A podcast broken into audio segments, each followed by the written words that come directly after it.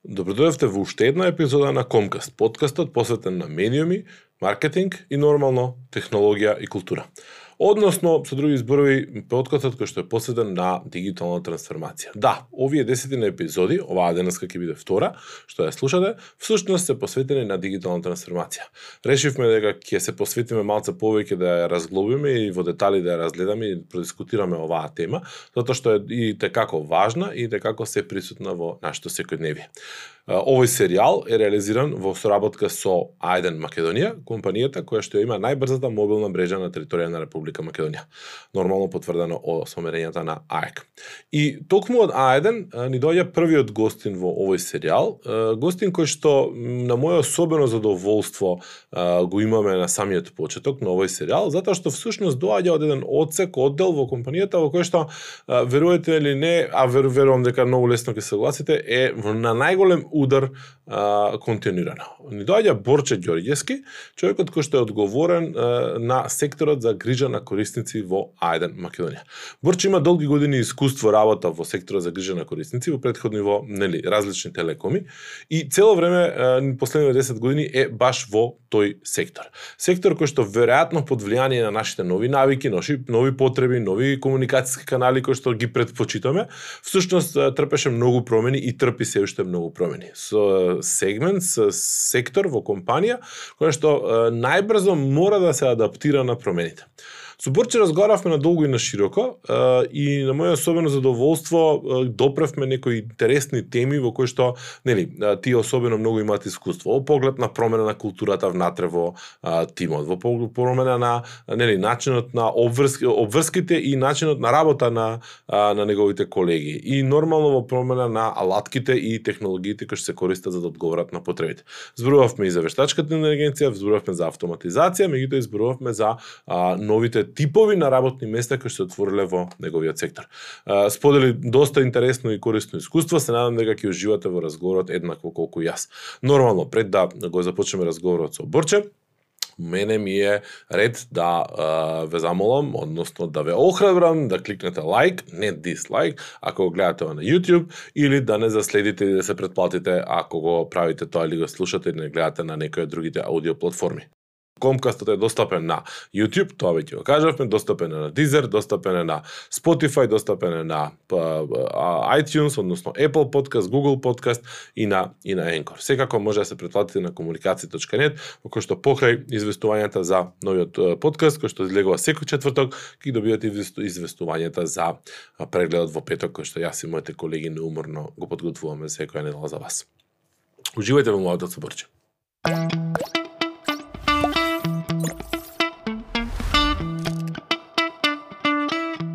Брче ти благодарам што си гостин во комуникација подкастот, односно комкастот наш и во најавата веќе кажав дека ти си еден од луѓето кои што имаат многу, може би скоро најмногу искуство во работа со, со грижа за корисници. Веднаш би би преминал на првото прашање. Значи раководиш со одделот во кој што помалку или повеќе во најдиректна комуникација со корисниците. Имаш долгогодишно искуство. Те молам ако успееш на кратко да ми кажеш како се менуваше искуството и предизвиците низ годините. Uh, па да, можам да кажам дека негде повеќе од 10 години сум во грижа за корисници. А, заврши факултет, се вработив и почнав како агент за, за поддршка на корисниците. Тука и останав долг период. И кога ќе погледнам на назад ретроспективно, можам да го видам целиот тој процес на, на промени, кои што, како се менуваше технологијата, се аплицираа исто и кај навиките, однесувањето и потребите на корисниците. Кога почнував, а, немаше ни смарт телефони во тој период, така што и најголемиот дел од прашањата и потребите на корисниците беа поврзани со voice. Значи телефонски разговори, а, пакети за бесплатни разговори, меѓутоа како се менуваше технологијата, приматот веќе го зема интернетот, каде што најголемиот дел од интеракциите се однесуваат на прашања поврзани со интернет пакети, девайси 3G, дојде 4G, чекаме 5G, а, исто така роамингот стана актуелна тема, меѓутоа се променија и очекувањата на корисниците од грижата за корисници. А, може би на времето беше нормално корисник да добие одговор на мејл за 24 часа, меѓутоа денес тие очекувања се променети. Корисникот очекува веднаш да добие одговор и да добие целосен одговор уште при првиот контакт. А, токму затоа стана и таа грижа за корисници императив, мислам дека во, на, на секоја компанија денес. Што значи, нели, доста од компаниите денеска, особено под капата на дигитална трансформација, велат ние сме user-centric компанија, ние за нас корисникот е во центарот на комуникацијата и тоа им е како некаков тип на парадигма која што ги носи да се да се преструктурираат, да се реорганизираат внатре. Што да што за вас на оперативно ниво значи тој пресврт?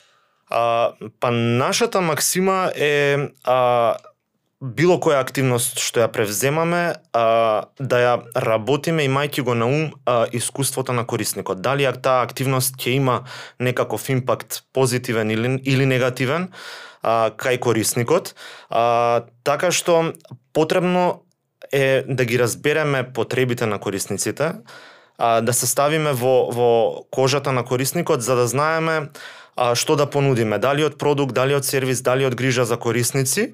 Не секогаш она што ние го имаме како визија за тоа што го сака корисникот е тоа она што, тоа вистинското што што корисникот и го бара од нас. Баш едно последно истражување на а, Super Office а, кое што беше мислам дека минатата година а, беше базирано евалуација на, на а, грижата за корисниците и беа вклучени околу 1000 компании. 80% од компаниите одговорија дека сметаа дека имаат одлична грижа за корисници, меѓутоа само 8% од корисниците го потврдија тоа. А, тестот беше многу едноставен со со а, две имейл пораки испратени а, до компаниите. Првото прашање беше каде на вашиот веб можам да најдам информација за промоција. второто прашање беше а, дали имате имате контакт центар број да ми дадете, а, околу 50% од а, компаниите не одговорија на, на мейлот, другите, мислам, не го знам точниот процент, одговорија само парцијално, само на едното прашање, што значи дека фелна на двете основни параметри што се загрижа за корисници. Првото е целосен одговор и второто е response time. Така што Она што сега ја прави разликата на пазарот е токму грижата, грижата за корисниците, затоа што цените се горе-долу исти кај компаниите од одредена индустрија, а, технологијата е горе, горе-долу иста, она што ги дистанцира на, на, на пазарот и ја прави разликата, тоа е токму а, грижата за корисниците. А, дали под влијание на дигитални канали за комуникација, под влијание на социјални медиуми и така натаму, се зголеми бројот на поставени прашања, се зголемува бројот на она условно речено изведување во смисол на клиентите се за се нешто да сакаат да те искомуницираат, за се нешто да сакаат да те прашаат. Дали стануваат помрзливи генерално, па сикаат чека сега јас ќе прашам негде нешто, некој ќе мора да ми одговори, а, или едноставно благодарение на тоа што да речеме а, се обидува така како компанија и секоја компанија се обидува да а, обезбеди доволно информации достапни на друго место, а, се обидуваат и наоѓаат решение негде на друго место, па помалку ве замара. а, Па можам да кажам дека а, спомнав во годините на назад дека се менува навиките на корисниците, се менува а, корисниците од аспект на начин на кој што сакаат да дојдат до информација. Поновите генерации, посебно генерација Z, а, не практикуваат толку телефонски да разговараат. Полесно е име да, да пишуваат и да куцкаат а, и го одбираат тој начин на комуникација. Така што интеракциите на социјалните мрежи, интеракциите на другите дигитални канали енормно се зголемија во предходниот период. А, можам и примери да спомнам, а, нашата мобилна апликација Мојот А1 бележи околу 500 илјади, значи пола милион логирања во месецот. Со Славчо разговараат околу 50.000 корисници месечно. А, така што има навистина голем број на интеракции на овие а, дигитални канали. Меѓутоа а, и корисниците до, имаат желба да прашаат во било кое време различно прашање кое што во тој момент им е најбитно.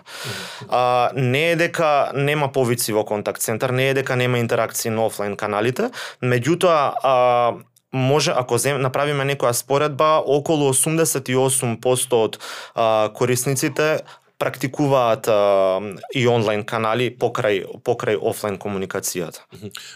се променува ли природата на, на, на информациите и, и очекувањата што тие нели сака да ги видат? Дали да речеме ке помладиве практикувате и сам кажа нели асинхрона комуникација, чет и, и слично social media и така натаму, меѓутоа дали се понетрпеливи, дали прашуваат по базични работи затоа што се мрзливи можеби да го најдат тоа на на, на вебсайт или каде и да го има. Тука баш имавме дискусија околу поставување на лайв чет на нашата веб страница, што ако го изложиме лайв четот толку напред, да не ги направиме корисниците и помрзливи да пребараат информација на веб, затоа што многу полесно е веднаш да прашам и дека ќе ми одговори некој. Да, ба, очекувањето е дека ќе најдам одговор и ќе добијам одговор веднаш во однос на, на типот на, на, на прашања, а, многу често при користење на онлайн алатките, доколку корисникот не може да се снајде, знае да праша. Пример, не си ја знам лозинката за најава на мојот еден, како можам да направам нарачка на мобилен телефон преку вашата а, продавница и, и, и слично. А, така што многу е различен диапазонот на прашања и а, многу а, е а, расплинет а, тој, тој а, број на интеракции по различни канали. Знам дека вложувате доста во а, таа база на информации, база на ресурси кои што се често поставени прашања, видео туторијали и така натаму на вашиот вебсайт. И е, прашањето ми е кога ќе дојде некој со прашање, е, која е политиката? Значи ги им ги одговарате прашањата или ги упатувате онаму каде што веќе ги има ресурсите за да може помалку или повеќе да ги научите корисниците дека следен пат можеби и не треба да да го постават прашањето дека се е лесно достапно преджвакано, соджвакано и така натаму. А, мора да, да, да, да сме на чисто дека дигитализацијата не се случува преку ноќ. Треба многу време и за да се развијат нови алатки и да се овозможи а, автоматизација на одредени процеси. Меѓутоа, од друга страна, преку ноќ ниту корисниците можат да се едуцираат за да ги прифатат тие промени во, во технологијата или да се навлечат на одреден дигитален канал.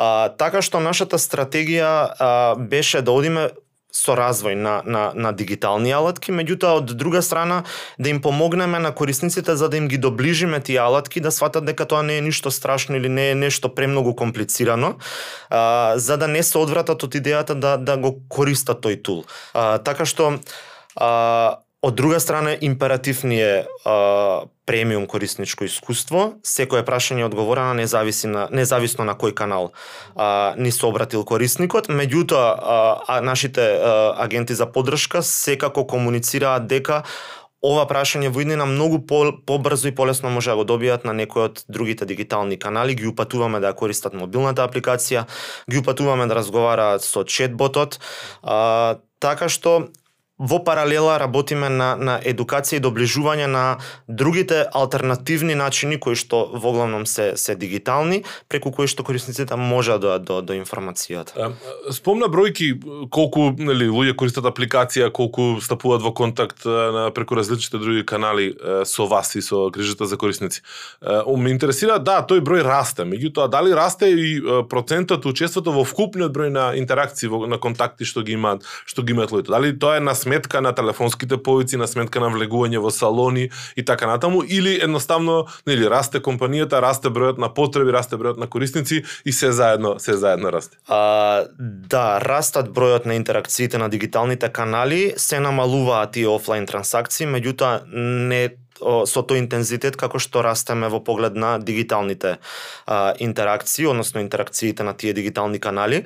А, така што Порастот е енормен, меѓутоа падот или намалувањето на овој жив контакт а, е многу поблак во однос на, на а, другата ситуација. Едноставно, а, луѓето за одреден тип на потешкоти сакаат да разговараат со со жив човек и сакаат да да разговараат со некој што има пулс. Правевме баш едно истражување повеќе интерно, а, затоа што забележуваме дека кога корисникот има техничка потешкотија, нема телевизија или нема интернет дома, а, тогаш и не практикува многу да се обрати на дигитален канал за да побара помош да погледне видео туторијал или да го праша Славчо како да му го среди проблемот, едноставно веднаш посегнува по телефон и сака агент за техничка поддршка. А, А може би во минатото ние немавме толку автоматизирани а, и дигитализирани канали преку кои што корисникот ќе може да добие а, степ бај степ сапорт за да реши некоја потешкотија, пример со интернетот дома или со телевизијата. Сега ги имаме, а, овозможени се, например, четботот Славчо прави целосен шутинг за потешкотија со фиксни услуги.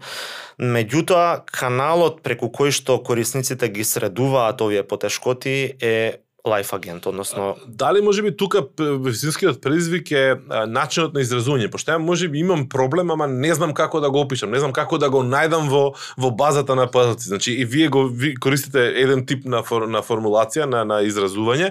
Јас не сум писмен дигитално, не сум писмен технички и најлесно ми е сега на телефон и со своји зборови да да објаснам што ми е проблем или уште подобро да ме води е, нели човек жив од другата страна да ме, да ме праша светка ли тоа, не светка светка, што ви се случи, како ви се случи, па на тој начин да...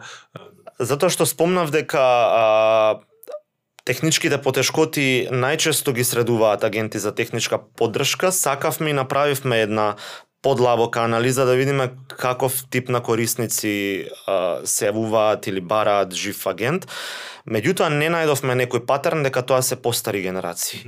А, очигледно по по сигурни се луѓето кога ќе се обратат на агент со очекување дека е веднаш ќе ми го среди, ќе ја среди потешкотијата. А, така што тоа размислување е окей, меѓутоа треба да видиме каде треба ние да се подобриме или каде треба ние да ги подобриме а, тие дигитални алатки за да стекнат поголема доверба и корисниците да ги користат особено во случај кога имаат техничка потешкотија. Од друга страна кога имам преки на интернет, јас и немам како да пристапам на на таа алатка за да му пишам на Славчо на пример за да ми го среди. Така. А, добро, кој да речеме, ако веќе спомна алатки, каналите малце од малце ги, ги расчешловме, свативме дека може би очекувањата беа повозрастните дека почестуваат, да ама гледаме дека во одредена сценарија тоа не е ситуација. А, кои конкретни алатки е, може би раздвоени по канали или групирани заедно, ги користите позадински во, во работата. Значи, каков тип најде, не мора по име и презиме алатките, него каков тип на алатки користите за да може да ги, да речеме, лесно пофатите сите можни проблеми, не само со внатрешните ваши системи, туку и со комуникацијата каде што, нели, корисниците се обидуваат да ве, да ве најдат. На страна на, на а, агенти за подршка а, имаме централен систем со податоци за корисниците, каде што гледаме и а, provisioning како им се провизионирани а, услугите кои што ги користат, прашања поврзани со сметки и слично. И исто така имаме централен систем каде што кој што прави автоматска диагностика на евентуална техничка потешкотија на корисникот.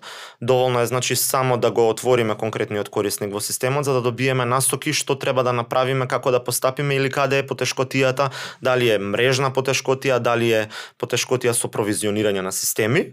Ова зборам на страна на а, агенти за поддршка и исто така а, во а, дигиталните алатки се интегрирани со овие системи кои што ги спомнав, каде што исто корисникот кога пристапува дали на мојот А1, дали кај Славчо со внес или со идентификација, а, влече, односно добива информација, добива диагностика, добива информација која што е поврзана со прашањето што го поставува или пак добива насоки како да ја среди потешкотијата која што корисникот ја има. А, меѓутоа сите тие интеракции има да имаме во предвид дека а, не секогаш можат до крај да ги завршат корисниците на дигиталните алатки. Значи на крај секогаш е живиот агент кој што е тука да да реши најкомплексната ситуација, така што сите тие интеракции ги имаме во еден omni-channel tool систем а, во кој што се прави всушност и хендоверот од дигитална алатка кон а, кон агент за поддршка на едно место можеме да видиме дали корисникот разговарал или правил интеракција на мобилната апликација, дали разговарал со Славчо или разговарал на пример со агент во продажен салон.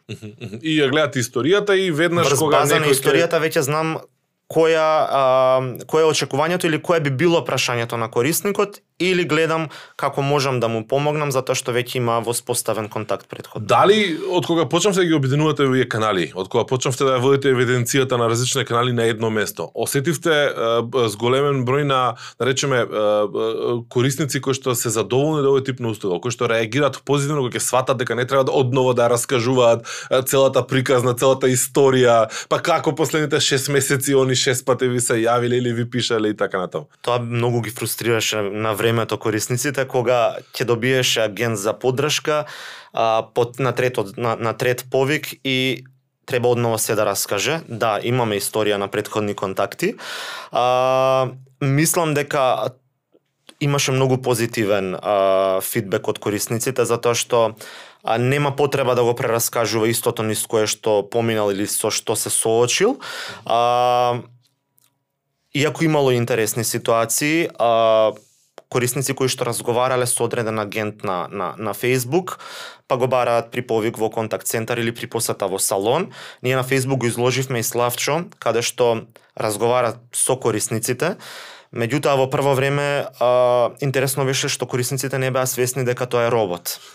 Па имавме повици после разговорот со Славчо каде што во контакт центар бараа да разговараат со него. Вие жива среќа имате Славчо во контакт центар? Повеќе немаме, имавме Славчо во контакт центар. А, меѓутоа а, го променивме тоа флоу што го кажува Славчо да потенцира дека сепак сум робот.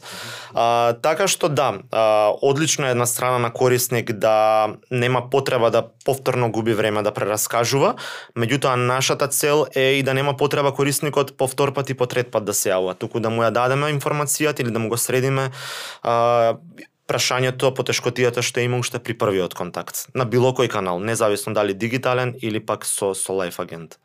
Сакам да зборуваме за Славчо, а, ама ќе го оставам тоа тие прашања, серија на прашања веднаш после ова прашање, затоа што сакам уште малце за за луѓето да зборуваме.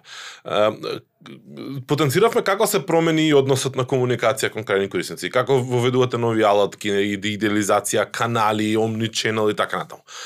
Како се промени улогите на на луѓето во тимот внатре, значи вештините на тие вработени, нивната позиција, нивното да речеме знаење, надградба, прифаќање на сите овие работи за да може да одговорат на овие потреби, пошто сепак зад тие канали стојат стојат луѓе. Луѓе, да.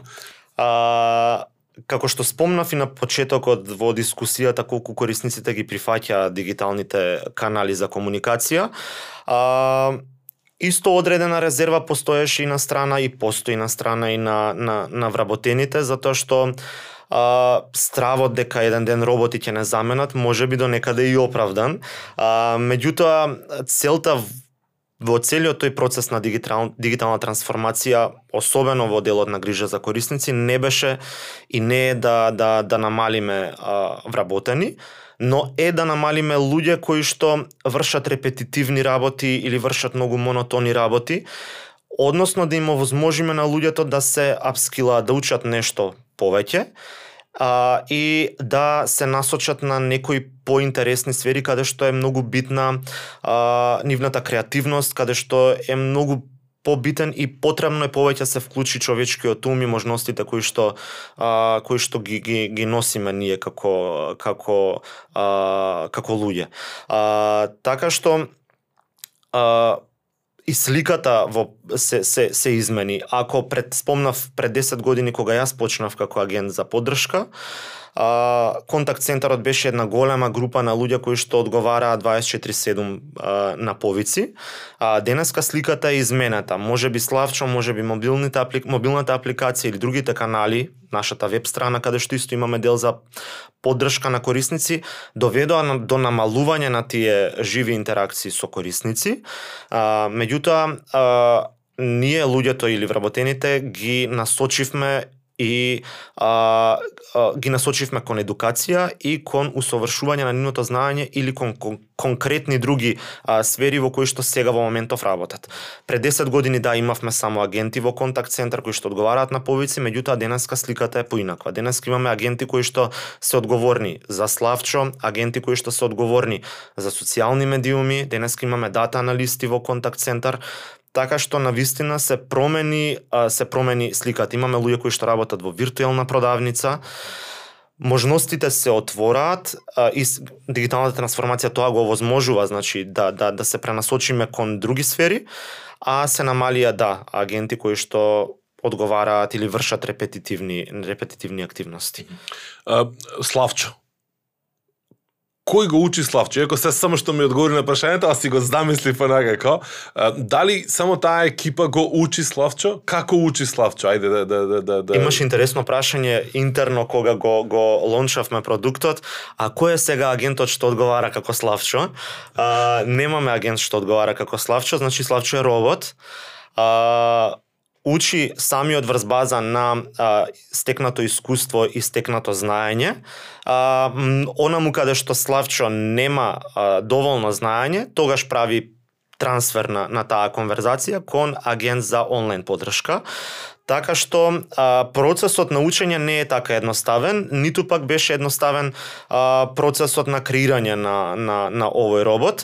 Почнавме со многу едноставно сценарио, за да видиме и да опипаме пулс како ќе реагираат и корисниците на а, ваква алатка. Беше а, навистина одлично прифатен.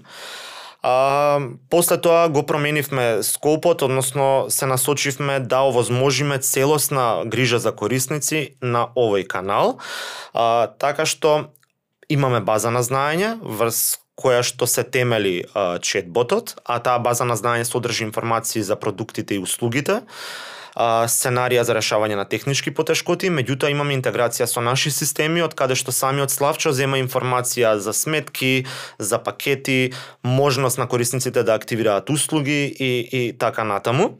И од друга страна спомнав дека учи врз стекнатото искуство и стекнатите разговори а, предходно со со а, нашите корисници и сам расудува, меѓутоа се случува да да нема одговор на одредено прашање и да го префрли на на агент. Да, моето само прашање е пошто верувам дека позитивните сценарии се многу почести. Каде најчесто греши сега во моментов или каде грешеше на почетокот или низ фазите на развој Славчо? Каде што да речеме имавте некој момент на чеке сега да го решиме ова. а, да, а, греши сега, грешеше и на почетокот и тоа го кажувам, треба да сме свесни дека ова робот. Да. А, она што е интересно е Славчо изложен на различни канали, кај наша, на нашата веб страна, на Facebook Messenger и на Viber. Интересно е тоа што мериме и корисничко задоволство а, од Славчо на сите овие канали, каде што а, во принцип дигиталните канали имаат позитивен Touchpoint MPS. Тоа е тој индикатор за задоволство на корисникот од користењето на каналот и добината информација на тој канал. А, меѓутоа, во очи ни падна што висок е тој скор на веб страната, меѓутоа е значително понизок на Facebook Messenger. А, затоа што предходно, пред да го ставиме Славчо на овој канал, разговараше лайф агент, значи агент за поддршка директно со корисник. Корисниците да стекнаа навика на Facebook штом се обраќаат на нашиот канал на, на Messenger во една реченица да го опишат целиот проблем. Значи да да раскажат се што ги мачи во една реченица. Славчо не е подготвен да ги пофаќа сите тие работи во таа една реченица, имаш тука стоп момент, па идеме чекор по чекор И кога веќе Славчо почнува да те прашува, не те остава ти да раскажеш што ти е проблемот, тоа ги фрустрира корисниците. Свесни сме за ова, а, бараме начин да видиме како да да а, го подобриме а, Славчо на, на Messenger, додека на Viber и на, на VP многу позитивен а, фидбекот. Меѓутоа, прашањето е каков профил на, на корисници доаѓаат на Facebook. Дали тоа се корисниците кои што имаат потешкоти, па го користат овој канал. А, тоа пробуваме да најдеме некоја логика и патерн, меѓутоа да, од друга страна треба да го подобриме знаењето на Славчо. Позадински Славчо е истиот алгоритм кој што функционира на сите три канали во исто време. Така значи не се разликува, не се адаптира Славчо врз основа на каналот а, посебно. Точно, иако малку е променето тоа флоу на Facebook, за малку подетално да објасниме дека тука разговараат корисниците со робот. Меѓутоа, да, истиот алгоритам е изложен само на различни канали.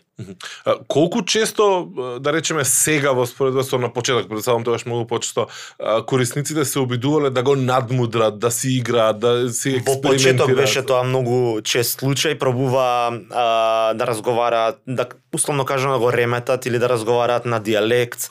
А, добро се снаоѓаше во тој период, имаше баш супер супер фидбек кај корисниците. Денеска малку е поинаку, односно веќе го користат како дигитален асистент кој што им дава помош и поддршка за прашањата кои што им се потребни. Она што е многу интересно е дека а, во периодите на лонч, значи првично кога го пуштивме како препорака за мобилен телефон да. како Phone Advisor, после тоа го променивме скопот и сега е целосен агент за поддршка. Имавме големи пикови на посети, меѓутоа после тоа а, она што нас ни, ни е импресивно е дека не се намалија бројот на интеракции. Значи корисниците го прифатија овој канал и го користат за да добијат одредена информација. Најмногу се користи од корисници на мобилна телефонија за прашања поврзани со тарифи и со дополнителни услуги. Меѓутоа, јас спомнав техничка подршка сакаат корисниците а, жив човек, меѓутоа околу 3000 интеракции месечно се поврзани со помош за користење на фиксни услуги, што не е мала бројка а, воопшто.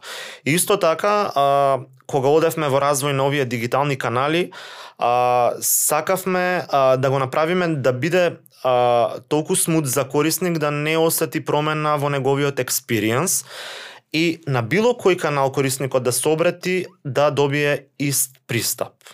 А, што значи дека она што е достапно на мобилната апликација е достапно и на говорниот автомат во контакт центар, е достапно и на Славчо. А, и обратно. А, така што истите информации корисникот може да ги добие на сите дигитални алатки, едноставно изборот е негов дали сака да четува или сака да клика низ мобилна апликација, на пример. Имам уште две прашања. Едното ќе го оставам за крај, така малце визионерско, да видиме колку сте оптимисти.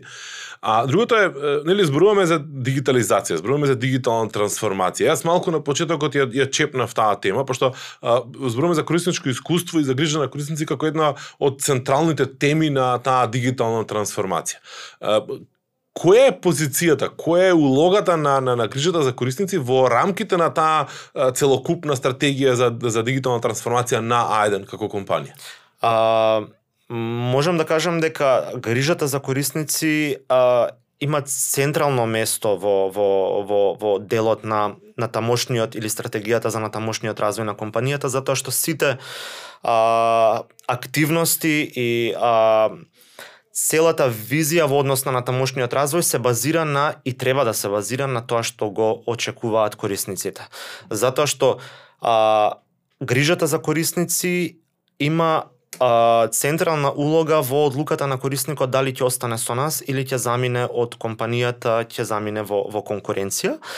А, дури околу а, на едно истражување последно што гледав е дека околу 90% од корисниците кои што се задоволни од а, корисничката поддршка одговориле дека одлична корисничка поддршка а, ќе ги задржи да останат во компанијата и дека ќе продолжат или ќе ќе ќе го зголемат портфолиото на услуги кои што го користат од таа компанија. Од друга страна, а, грижата за корисници се менува како што се менува и целата индустрија и технолошкиот развој доведува до развој. А, и а, нашата стратегија е да овозможиме на корисниците а, дигитално искуство преку кое што ќе можат веднаш да добијат одговор и поддршка за секое прашање а, или секоја потреба која што имаат, а е поврзана со услугите кои што ги користат. Предпоставувам дека грижата за корисници е императив и на сите компании денес, не само во делот на, на телекомуникациите, затоа што и на самиот почеток спомнав, токму а, грижата за корисници е она што ги диференцира а, компаниите на, на, на маркетот. Супер, ми се намеси за последното прашање. А, сведоци сме на бројни компании, особено дигитални компании, глобални компании, најчесто за мене нај најинтересни се оние или third party сервиси, некакви дигитални сервиси или хостинг компании, кои што треба да поминеш 17 чекори додека стигнеш до интеракција еден на еден. Не да е боже телефон да сакаш да дигнеш, да сееш. Значи Facebook ни е као главен пример да. или Google или било кој хостинг компанија. Значи, нели имаш база на знаење, па имаш прашања, па имаш нели тикет да отвориш, па ако не кеш тикет на крај имаш некаков лайв чат, па лайв чат може би некој од нив ќе ти даде и телефон.